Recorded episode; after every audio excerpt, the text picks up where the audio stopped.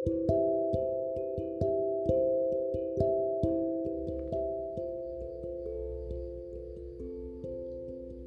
selalu berpikir, kalau memang hanya sekedar cerita, mengapa bisa berdampak ke hati?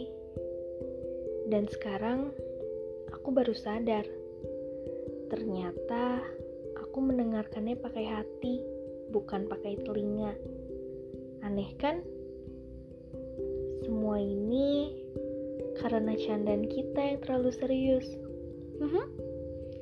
Awalnya sih bercanda, tapi lama-lama aku jadi berharap kalau semua bercandaanmu menjadi kenyataan.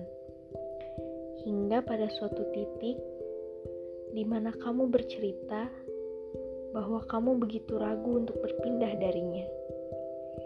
Tapi di sisi lain, aku merasa kalau kamu memaksaku untuk menahanmu agar tidak kembali kepadanya.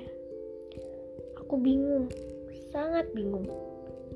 Kali ini aku nggak bisa kasih saran lagi.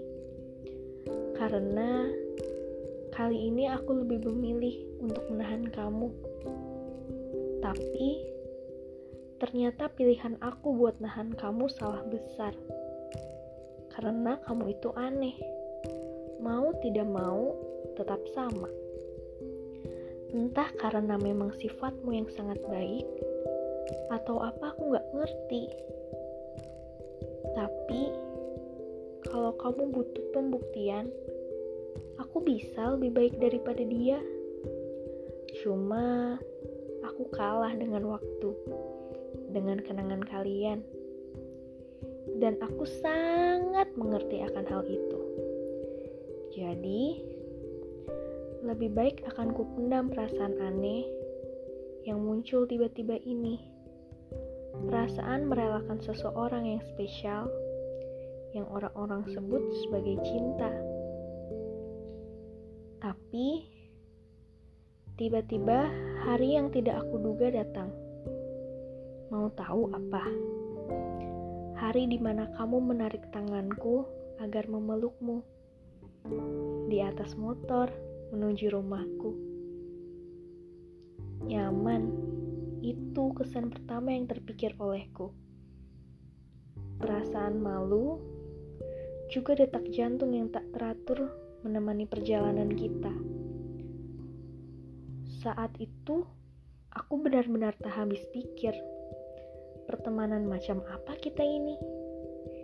Dinginnya hawa malam hari, juga cerita tentang kegiatan kita, juga menemani perjalanan kita malam itu